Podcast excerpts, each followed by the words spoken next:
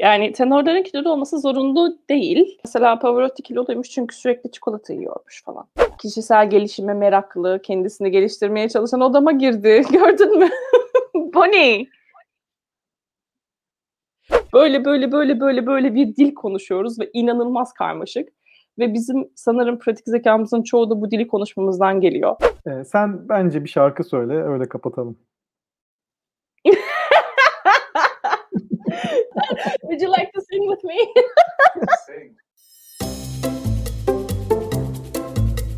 Herkese merhaba. Bugün Beren Kader Fidan'la birlikteyiz. Kendisi bol ödüllü bir opera sanatçısı. Türkiye, İtalya ve Avusturya'da opera eğitimini tamamladı ve uzun yıllardır da opera sanatçılığı yapıyor. Şu anda da yurt dışında yaşıyor. Tabii ki pandemi nedeniyle festivaller ve konserler iptal olduğu için şu anda opera ile ilgilenemiyor. Bazı işlerle ilgileniyor diyelim. Onları da birazdan detaylıca konuşacağız. Öncelikle hoş geldin Beren. Merhaba, hoş bulduk. Şimdi öncelikle hiçbir tanıdığım opera sanatçısı yok. İlki sensin. Vegan olmasan belki de seni de tanımayacaktık. Bu benim suçum mu yoksa Türkiye'de operaya ilgi az mı? Buradan başlamak istiyorum aslında konuya. Türkiye'de operaya ilgi evet az. Çok uzattım ama evet az çünkü opera bize sonradan gelmiş bir sanat. Cumhuriyetle birlikte gelmiş bir sanat ve haliyle bir özümseyemedik, içine giremedik ve ağır bir sanat. O yüzden evet çok fazla bilmiyoruz operacıları. Operalıyı da aynı şekilde. Peki senin operaya başlaman nasıl oldu? Genelde böyle vardır ya ilkokul müzik öğretmeni beni keşfetti, konservatuara gönderdi. Hikayeler hep böyle başlar. Böyle mi gerçekten? Hı. Yoksa sen Öyle zaten değil. opera söylemek istiyordun? Beni kimse keşfetmedi. Keşke keşfetselermiş. ben kendi kendimi keşfettim biraz. Lisede ben böyle otellerde animasyon falan filan yapıyordum. İşte yazları gidiyordum orada çalışıyordum falan filan. Sonra biz müzikaller sahneliyorduk otel animasyonlarında akşamları ve ben bunları çok sevmeye başladım. Sonra dedim ben bunu neden meslek olarak yapmıyorum falan. Hatta 18 yaşımda böyle kısacık bir İstanbul'a taşındım. Modern dans okuyacağım, müzikal okuyacağım falan filan diye. Sonra baktım dersten sonra ben opera aryası söylemeye çalışıyorum. Mozart'ın bir aryasını söylemeye çalışıyorum ki çok zor bir şey. Hala söyleyemiyorum onu doğru dürüst. Ondan sonra dedim aa bak böyle bir şey varmış ben buraya gideyim dedim. Ve böyle ilerledik. Böyle bir şey oldu. Peki yani e, öyle bir şey o e, isteyen herkesin yapabileceği bir şey mi yani? Öyle bir söyledin ki sanki herkes operacı olabilirmiş gibi. Yani, yani bilmiyorum gerçekten bu sesin bir rengi bir hani bir gürlü bilmiyorum yani nasıl öyle her isteyen olabilir mi? Her isteyen olabilir mi? Yeteri kadar çalışırsa olabilir belki. Ama şey önemli tabii. Duyduğun tonu verebilmek. Yani bir ses duyuyorsun o sesi kendi sesinle verebilmek önemli. Onu yapamıyorsan tabii işin çok çok daha zor. Onu yapabiliyorsan, duyduğun şeyi sesinle güzel bir şekilde söyleyebiliyorsan üzerine koyabilirsin. Düzenli çalıştıkça, akıllı çalıştıkça, ne bileyim değişime açık oldukça falan filan gelebilir bir şeyler. yani. Peki sen bir sop sopranosun. Ben şimdi onların arasındaki farkı da bilmiyorum. İyice kara cahil olduğum ortaya çıktı zaten. ee, yani bunların arasındaki fark nedir? Bu senin sesinin doğuştan olan özelliğiyle ilgili bir şey mi yoksa bir kapasite mi? Yani bizi biraz aydınlat. Şimdi seslerden başlayabiliriz. Ee, gerçekten çok güzeller.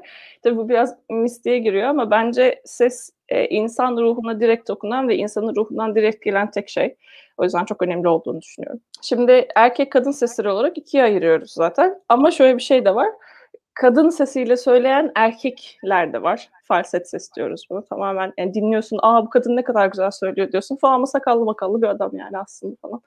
Böyle şeyler de var. Kalın, orta, ince olarak ayırıyoruz sesleri. Erkeklerin bas en şeyi oluyor, pesi oluyor. Sonra bariton geliyor, sonra tenor geliyor. Kadınlarda da alto, mezzo soprano, mezzo e, orta demek İtalyanca ve soprano en tiz olanlar şeklinde oluyor. Hangisi daha makbul bunlardan? Ben onu anlamadım. Ya da öyle bir şey var mı? Hepsinin kendine has mı özellikleri var?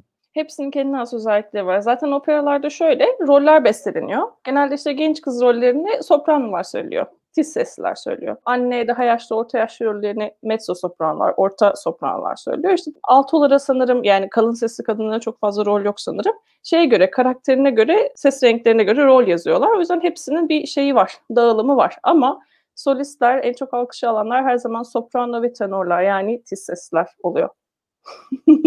Bağıranları seviyoruz. Yani. Aynen. Peki bir şey diyeceğim. Senin sesin o zaman en tizi oluyor ama ben senin sesini duyduğumda bana tiz gelmiyor. Demek ki daha kalınları da mı var? Tabii. Tabii. Benim sesim aslında tiz ama şimdi senin de bir çocuğun var biliyorsun. Ağladığı zaman nasıl oluyor ortalık? Sesi nasıl oluyor bağırdığı zaman? Valla şöyle doğduğu andaki ağlamasından itibaren benim kulaklarım çın çın çınlıyor yani. Böyle çok bence çok yüksek ve çok dolu bir ses. Değil mi? Evet. Aslında çok da tiz bağırıyor. Bayağı "Eee!" diye Evet. yutuyor kendini değil mi? Ama hiç böyle seni rahatsız etmiyor. Böyle "i i" diye gelmiyor o ses. Hep böyle bum bum diye geliyor. Yani İşte bu bu bizim opera söylerken kullandığımız ses aslında. Sonra biz yani aslında kadar doğuştan var herkeste. Tabii ki. Herkeste var. Aynen. Sonra biz toplum bizi küçültüyor. Ne yapıyor? O kadar yüksek konuşma, o kadar yüksek gülme. E, fiziksel hareketimiz kısıtlanıyor. Çok geniş işte aşağıya diyaframa nefes almamaya başlıyoruz. Daha küçük, ciğerin küçük kısımlarını kullanmaya başlıyoruz. Ses de küçülüyor, ciğer de küçülüyor, kapasite de küçülüyor derken bizim sesimiz buna iniyor. Ama aslında böyle bağıra bağıra konuştuğumuz zaman hani çocuklar böyle bağıra bağıra şey yaparlar. Ya ne oluyor falan dersin. Aslında işin özü o. Toplum bizi küçültüyor. Operada da biz bunu tekrar yakalamaya çalışıyoruz. O genişliği, o tokluğu. Şimdi vücudunun bütün rezonans bölgelerini işte kafanın içinde boşluklar var, göğüste boşluklar var falan. Bunları kullandıkça daha çok tını, daha çok ses geliyor ve bu sana böyle i i yerine bum bum diye gelmeye başlıyor. Benim sesimin o kadar tiz gelmemesinin sebebi o. Ama benim söylediğim notalarda mesela bir popçu söylese i i diye gelebilir çünkü bütün bedenini kullanmıyor. Çok küçük bir yerden şarkı söylüyor. O yüzden böyle işte kocaman geliyor ses. Şimdi öyle bir plan yapmamıştık ama bize bir örnek ses çıkaracak mısın? ne söyleyeyim ki bilmem.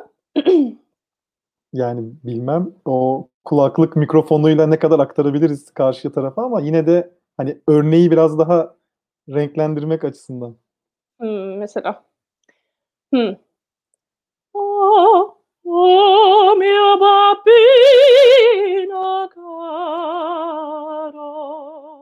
muhtemelen daha aşağıda bir ses ama. Mi piace bello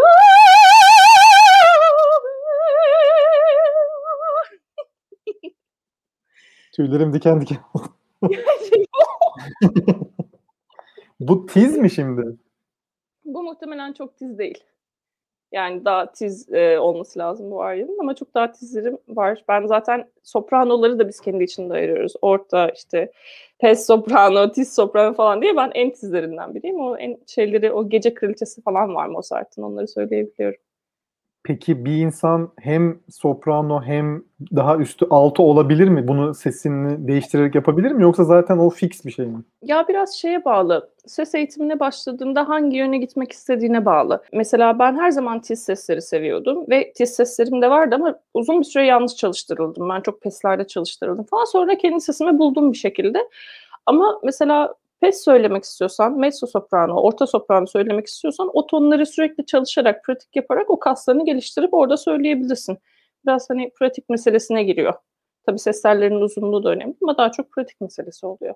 Anladım. Yani ses tellerinin uzunluğu bir avantaj mı? Avantaj mı? Ses tellerinin uzunluğu sana daha geniş bir şey veriyor. e, Ses skalası veriyor. Ama tabii ki en doğalı senin en konforlu söylediğin tonlar oluyor. En yapılabilis yapılabilitesi olanı. Ya, mesela peki şöyle bir şey var mı? Kimisi vardır çok kendini zorlayarak o sesi çıkarıyordur. Kimi de vardır çok rahat o sesi çıkarıyordur. Ben onun kafada bittiğini düşünüyorum. Allah Allah. Evet, ben onun kafada bittiğini düşünüyorum. Çünkü yani bana uzun bir süre sen orta sopranoya yakınsın, sen işte kalın sese yakınsın falan dediler ve ben tizleri gerçekten çok zorlanarak çıkarıyordum. Ama doğru bir hocayla çalışmaya başladıktan sonra ve kafamda mesela genel bir kanı vardır. Tize zor çıkılır. Tiz ses zor söylenir. Tiz söylüyorsan ıkınmalısın, acı çekmelisin falan gibi. Pop şarkıcılarda görürsün "Yeah!" diye çıkmaya çalışırlar falan. Hani böyle "Eee!" yaptığın anda o zaten çıkmaz. Ama onu böyle çok na "Eee!" yaptığında pat diye çıkar o yani. O kafayla alakalı. Kafada senin onu nereye koyduğunla alakalı diye düşünüyorum. Peki o zaman buradan opera eğitimine geçelim. Sen Türkiye'de başladın eğitimine, sonra İtalya ve Avusturya'da devam ettin. Bu bir tercih miydi yoksa yurt dışına gitmek gerçekten bir fark yaratıyor mu sence? belki bilmiyorum buradan opera sanatçısı olmak isteyen veya izleyen varsa hani bir yol gösterme açısından yoksa artık ya da devir değişti ve Türkiye'de de çok iyi opera hocaları eğitimi var mı? Hani bu Var, konuda da ki. belki bir şeyler söylemeni isterim. Türkiye'de çok iyi hocalar var. Gerçekten var ama yurt dışına gitmek bence şart. Çünkü bizim kültürümüz değil bu. Biz sonradan adapte olmaya çalışıyoruz. Hala olmaya çalışıyoruz bence. Yurt dışına gitmek çok önemli. Onların kültürünü birebir tanımak çok önemli. Onların dilini öğrenmek inanılmaz önemli. Şimdi notalarda şey vardır. Senin söyleyeceğin ses yazar. İşte burada mi, burada sol söyleyeceksin. Altında da mi sesiyle söyleyeceğin şey yazar. Hece yazar. Mesela ne dedim ben önce? O mio babbino caro. İşte bunu nota bilen ve okuma yazma bilen her insan söyleyebilir. Ama o dili bilen bir insanla o dili bilmeyen bir insanı yan yana koyduğunda çok büyük bir fark var. İnanılmaz bir fark var yani. Ben e, İtalyanca öğrendikten sonra şarkı söylemem bayağı şöyle atladı. Çünkü artık ne söylediğimi biliyorum, kelimeleri doğru yerden birleştiriyorum. Onların tonlamalarını bildiğim için değiştirebiliyorum, oynayabiliyorum üstünde. O yüzden kesinlikle yurt dışına gidip bir görmek lazım. Hatta gitmeyenleri anlamıyorum. Yani fırsat olduğu halde gitmeyen insanlar var falan. Dili öğrenmek kesinlikle kesinlikle kesinlikle çok önemli. Ama ben de çok tembel bir insanım bu konuda. Çok çalışmak gerekiyor. O yüzden bir şey diyemiyorum ama gidin, görün, en azından 3-5 kelime öğrenin, yapın yani. Bunlarla çok daha ilerliyoruz. O mio bambino caro benim sevgili çocuklarım mı? Babbino. Babino ne? Babbo, baba demek. Babbino, babacık gibi, babacığım gibi bir şey. Benim tatlı babacığım gibi bir şey. Ee, Ya peki bu, bu, kısmı koymayacağım zaten. Merak ettim şey. Bu cümleyi merak ettim. şey diyor burada bir kız var bir çocukla evlenmek istiyor ve babası da ya bir oyun çeviriyorlar falan filan. Babası da çok iyi bir oyuncu falan. Babasına işte lütfen bu rolü yap, lütfen bunu şey yap, ben o adamı çok seviyorum, lütfen evlenelim falan diye yağ çekiyor babası. Sevgili babacığım ne olursun bunu yap lütfen falan filan Hmm. diye. Aslında şey yaptı, böyle çok dramatik bir şarkı değil ama böyle e, böyle bir şeyler söylüyor. Peki operanın ana dili İtalyanca diyebilir miyiz? Diyebiliriz. Çok uzun bir süre İtalyanca oldu. Sonra yanlış bilmiyorsam Mozart'la beraber Almanca da bestelenmeye başladı. Ama her dilden var. Çekçe var, Rusça var, Almanca bayağı bir repertuar var. Fransızca var, İngilizce var, Türkçe operalarımız var ki çok güzeller. Hemen her dilde opera bulmak mümkün yani. Peki o zaman e, buradan klişe şeylere, prototiplere belki geçiş yapabiliriz. Hani mesela bu tenorların kilolu olması gerekiyor mu? Mesela benim tanıdığım tenorlar hep kilolu. Ya da tenorlar için hani çapkın derler. Bilmiyorum böyle bir ayrım sizin içinizde de geçerli mi? Var mı böyle bir şey? Var, tabii ki var. Yani tenorların kilolu olması zorunlu değil. Mesela Pavarotti kiloluymuş çünkü sürekli çikolata yiyormuş falan yani. Aynen. Ama e, günümüzde hatta opera sanatçılarının çoğu çok fit. Yani böyle bir şeye baktığınızda dünyada işte Metropolitan olsun, Berlin'deki Staatsoper olsun ne bileyim bütün böyle e, başrol söyleyenlerin hepsi çok fit, çok güzel ve gerçekten model gibi görünüyorlar. Artık fizikselliğe çok daha fazla önem veriliyor ve hepsi aktif spor yapıyor. Zaten spor yaptıkça sesin ve bedenin de güçleniyor. Bu da iyi bir şey. Velhasıl o kilolu operacı artık bitti. Artık o dönem bitti yani. Ama Ben sanki pozitifler kilolu değilse o ses çıkmayacakmış gibi geliyor şu anda bana ama çok ciddi bir ön yargı herhalde. bu. Ya bunu söyleyen bir şan hocam oldu benim. Kilo verdikten sonra bir birine sesin değişti falan gibi bir şey söylemişlerdi ama ben öyle olduğunu düşünmüyorum. Tenorlar aşırı çapkın oluyorlar. Senin de dediğin gibi. Hmm, Çapkın olmayan bir tenor gördün mü? Hayır, görmedim. O yüzden bir tenor... Aa, bu arada çok aşıklardır. Çok dramatiklerdir, çok romantiklerdir, çok aşıklardır. Hemen böyle şey yaparlar, seni rüyada gibi hissettirebilirler falan filan ama yani iki gün sonra başka birine de aynısını hissetti- hissettirebilirler böyle aşık abiler yani çok romantikler ve bu romantik herkese gide bu romantizm herkese gidebilir falan. Bu sadece tenorlara özgün. Peki diğer e, seslerde de bazı tanımlanmış özellikler var mı böyle? Benim gözlemlediğim basslar genelde çok babacan oluyorlar. Zaten onlar bir konuşmaya başladığında abi diye kalıyorsun böyle. Baritonlar çok fazla bariton tanımıyorum. Ama tanıdıklarım genelde deli. O yüzden bilmiyorum. Sopranolar, hmm. mezzo sopranolar çok rahat. Bence opera camiasının en cool'ları mezzo sopranolar, orta sopranolar. Ne böyle bir öne çıkma yarışları olur, ne kıskançlıkları, işte şeyleri, fesatlıkları olur falan filan. Kendi hallerindedir. Çıkar söyler, inerler falan ve bence muhteşemler. Anne rolünü so- oynar, evine gider. E, yani başrolleri de var ama Carmen mesela Metso için yazılmış muhteşem bir rol. Hmm. Sopranolar çok fazla. Çok fazlayız. Bu yüzden çok fazla kıskançlık, çok fazla rekabet oluyor e, maalesef. e, bir de koloratür sopranolar var. Kendi sesimi ayrıca şöyle şey yapayım. Koloratür soprano da sopranoların en tizi.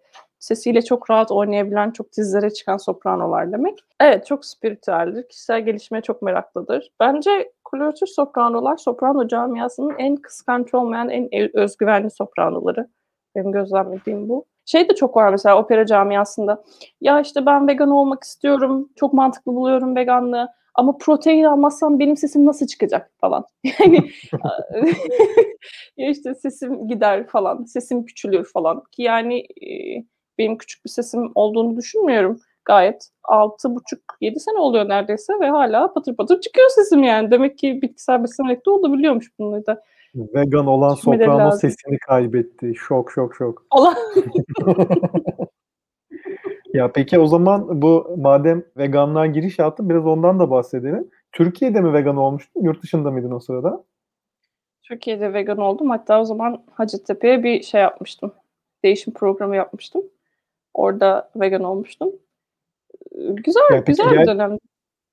Gerçekten hiç endişelendin mi? Acaba hani sesimde bir sıkıntı olur mu falan diye veya performansına yansır mı diye. Gerçi o sırada eğitim sürecindeydin herhalde. Hmm. Okuyordun. Ya nasıl vegan oldun özetle? Nasıl vegan oldum? Benim bir arkadaşım vardı. Bu arada ben vegan olmadan önce veganlardan hiç hoşlanmıyordum. Öyle bir şey de itiraf edeyim. Hangimiz hoşlanıyorduk ki?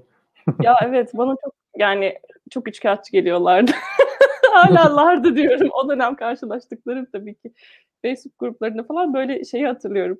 Bir arkadaşımla Facebook grubuna girip bayağı trollemiştik onları falan. Çünkü şey diyorlar, inek sütü içmeyin soya sütü için. Niye? E çünkü süt işte şeyler için falan, ne bileyim yavrular için falan ama e, o kadar verdikleri tanım, anlattıkları şey o kadar yüzeysel ki aa bunlar soya sütü firmasının şeylerini satıyor falan diye böyle bunlara saldırıyorduk, biz veganlara saldırıyorduk falan yani.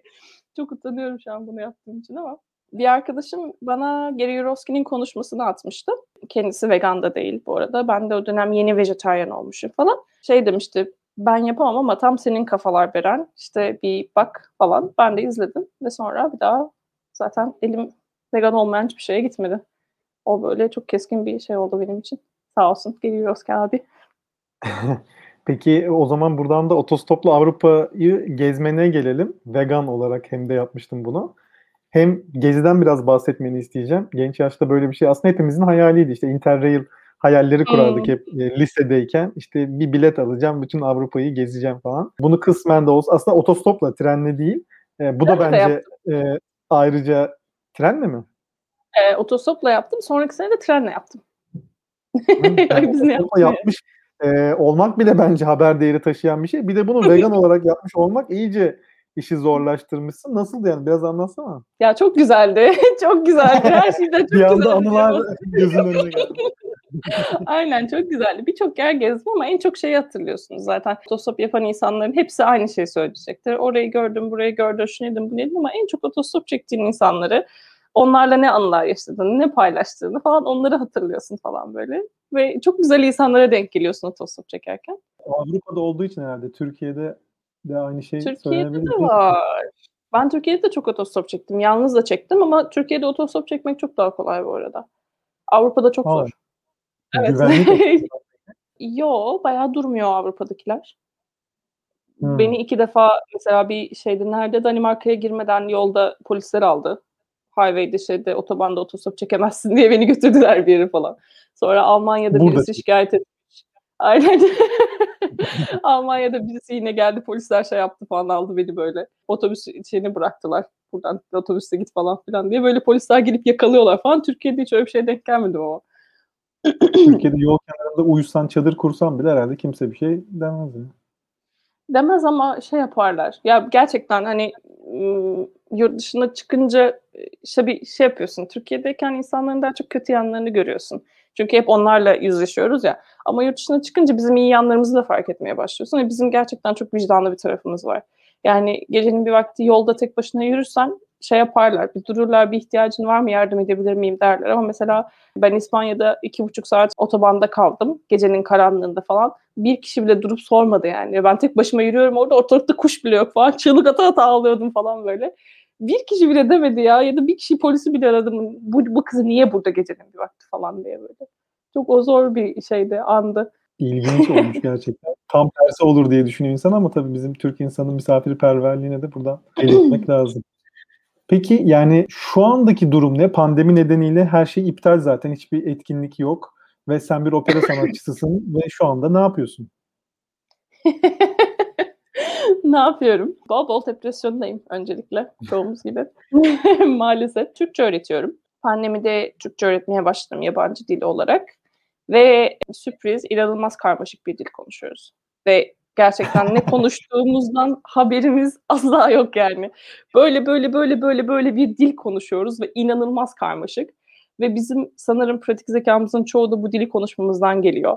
Çünkü yani bazen böyle bir şeyler öğretiyorum. Çok ileri seviye öğrencilerim de var, başlangıç seviye öğrencilerim de var beyinleri yanıyor. Siz ne yapıyorsunuz? Siz bunu nasıl şey yapıyorsunuz? Ve ben diyorum biz bunu nasıl konuşuyoruz? Gerçekten çok zor bir şey. Türkçe öğretiyorum, şan dersleri veriyorum, piyano dersleri veriyorum. Bunların çoğu online oluyor tabii ki. Şimdilik bu şekilde geçiyor hayat bakalım. Peki planlar var mı? İleriye dönük planlanan etkinlikler, konserler? Evet. yani şimdilik bir şey söyleyemiyorum. Çünkü o kadar çok konserim ve festivalim iptal oldu ki. Herhalde yazın açılırsa geçen sene iptal olan festivale gidebilirim birkaç yarışma var önümüzde. Opera yarışmaları var bu arada. Operacıların katıldığı büyük opera evlerinin, sanat direktörlerinin falan filan jüride olduğu puanlayıp işte sana ödül ya da rol verdiği yarışmalar var. Bu yarışmalara katılmayı planlıyorum. Şimdilik bu kadar başka hiçbir şey söyleyemiyorum. İnşallah açılır. İnşallah bir yerde güzel bir rol alırım ve söylemeye başlarım. Ee, güzel bir rol derken peki böyle devamlı e, iş olasılıkları da var mı yoksa hep böyle konser ve etkinlik gibi tek tük şeyler mi? Türkiye'de var mesela. Devlet sanatçısı oluyorsun operaya girdiğinde. Sözleşmeli de var, kadrolu da olabiliyorsun. Maaşla çalışıyorsun. Yani zaman zaman roller çıkıyor, zaman zaman küçük roller çıkıyor falan filan. Bu rahat aslında. Türkiye'deki sistem çok rahat ve konforlu. Yurt dışında daha çok sözleşmeli olarak şey yapıyor ve ajansların oluyor, menajerin oluyor. Bunlar seni operalara sunuyor ki bence böyle çalışmak daha güzel. Düzenli çalışmak istersen de bir operanın korosuna girebiliyorsun mesela. Koroda işte düzenli çalışabiliyorsun. Operaların solist kadroları da var ama sürekli sözleşme yeniliyorlar falan filan. Türkiye'deki gibi bir kere kadroya girdi sürekli oradasın gibi bir şey söz konusu değil hiçbir yerde. Peki Londra'dasın şu anda. Biraz Londra'daki vegan yaşamdan da bahseder misin? Yani ben Londra'ya veganken gittim. Aslında bayağı yani işin çıktığı yer zaten işin kaynağı ve gerçekten de hani seçenek açısından da yaşam açısından da bizim yıllarca ötemizde. Ama biraz da Londra'da yaşayan birisinden bence duymak güzel olabilir. Ben daha çok yeniyim. Ne zaman geldim? Kasım'da geldim. Ve yani geldiğimden beri lockdown var. Sadece bir hafta açtılar her yeri. Sonra pat diye aniden kapattılar. Christmas'tan hemen önce işte mutasyona uğradı, virüs kapatıyoruz pat diye gitti. Böyle böyle kaldık biz falan. Burada vegan olan her şey çok ucuz. Meyve sebze yemek içmek inanılmaz ucuz. Burada tek pahalı şey kira. Yani kiranı ödedikten sonra aylık 150 çok ekstrem söylüyorum 200 pound'a çok rahat yeme içmeyi halledebiliyorsun. Kozmetiklerin çoğu vegan, deterjanların çoğu vegan, kıyafet hiç alışveriş yapmadım henüz. Ama çoğunda zaten vegan ya da cruelty free sertifikası var. Her yerde vegan alternatif var ve insanlar buna gerçekten saygı duyuyorlar. Evet gerçekten Türkiye'den çok ileride. Çok rahat ama Türkiye'de de vegan olmak çok zor değil çünkü bizim çok fazla meyve sebze alternatifimiz var ve bunlara ulaşımımız çok kolay. Burada mesela salatalığı tekli satıyorlar. Biz gidiyoruz iki poşet alıyoruz falan yani. hani oranın da buranın da artıları eksileri var aslında. Yani burası çok iyi. Türkiye tukaka diyemem bu konuda. Tabii bizim de iyi olduğumuz yönler bence var ve tarım ve tarımın da ucuz olması ve aslında çok ulaşılabilir olması bence bizim de artılarımızdan eskisi kadar olmasa da aslında tam bir tarım ülkesiyiz. Bu da aslında vegan olmayı çok kolaylaştıran bir şey ama ben tabii temel besinlerden ziyade hani daha böyle hani sosyal ortamlar, dışarı çıkıldıkça gidilecek şeyler, yerlerdeki seçenekler açısından da demiştim. Peki seyahatlerinde ne yedin ya? Bunlardan bahset bari. Tanıştıkların, gördüklerin senin olsun. Seyahatlerimde ne yedim? Bir kere çok ucuza seyahat ediyordum. Çok çok ucuza seyahat ediyorum. Zaten otostopun şeylerinden biri bu. En ucuz marketlere gidiyordum. Oradan humus, hayat kurtarıcı, ekmek, işte çeşitli mantar ne bileyim böyle şeyler alıp çoğunluğum sandviç yaparak geçiyordu. Ya da makarna. Makarna ve sos ve her yerde kurtarıcımdı. Ayrıca her gittiğim yerde en az bir tane vegan restorana gidiyordum. Orada en iyi yemeklerini deneyip oradan geçiyordum falan. Çok kolay aslında yani bir şeyin bütçen az bile olsa vegan beslenebiliyorsun seyahat ederken.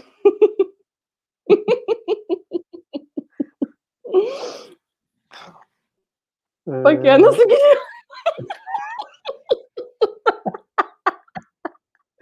Sonra da anlattırmadı diyorsun. Benim soracaklarım bu kadardı. Zaten lafları da kerpetenle aldık ağzından. Bilmiyorum belki senin ekleyeceğin bir şey olur mu? Belki bir son sözün olur mu? Ee, sen bence bir şarkı söyle, öyle kapatalım. ne söyleyeyim? Ne söyleyebilirim? Beraber bir şey söyleyin. Beraber Adam'la mı? Would you like to sing with me? Sing. I'm going to pass this.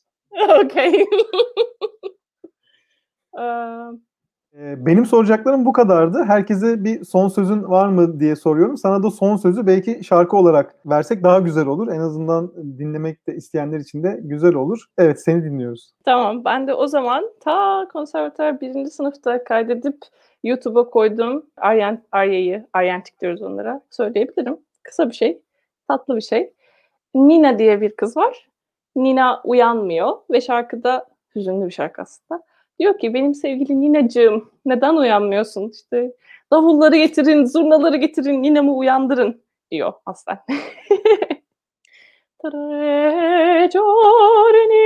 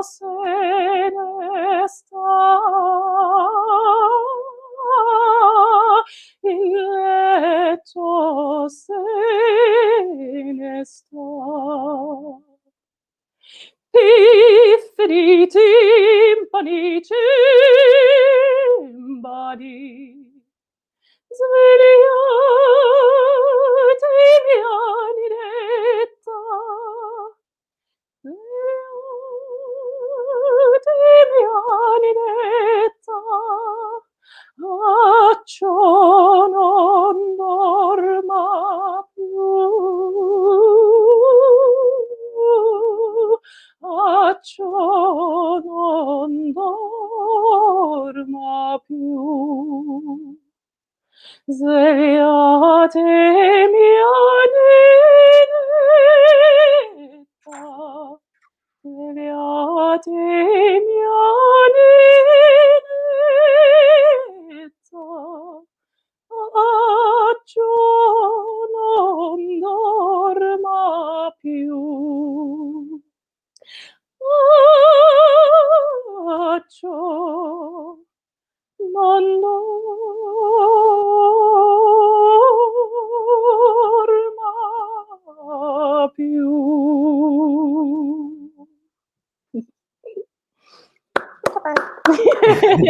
Teşekkür ederim.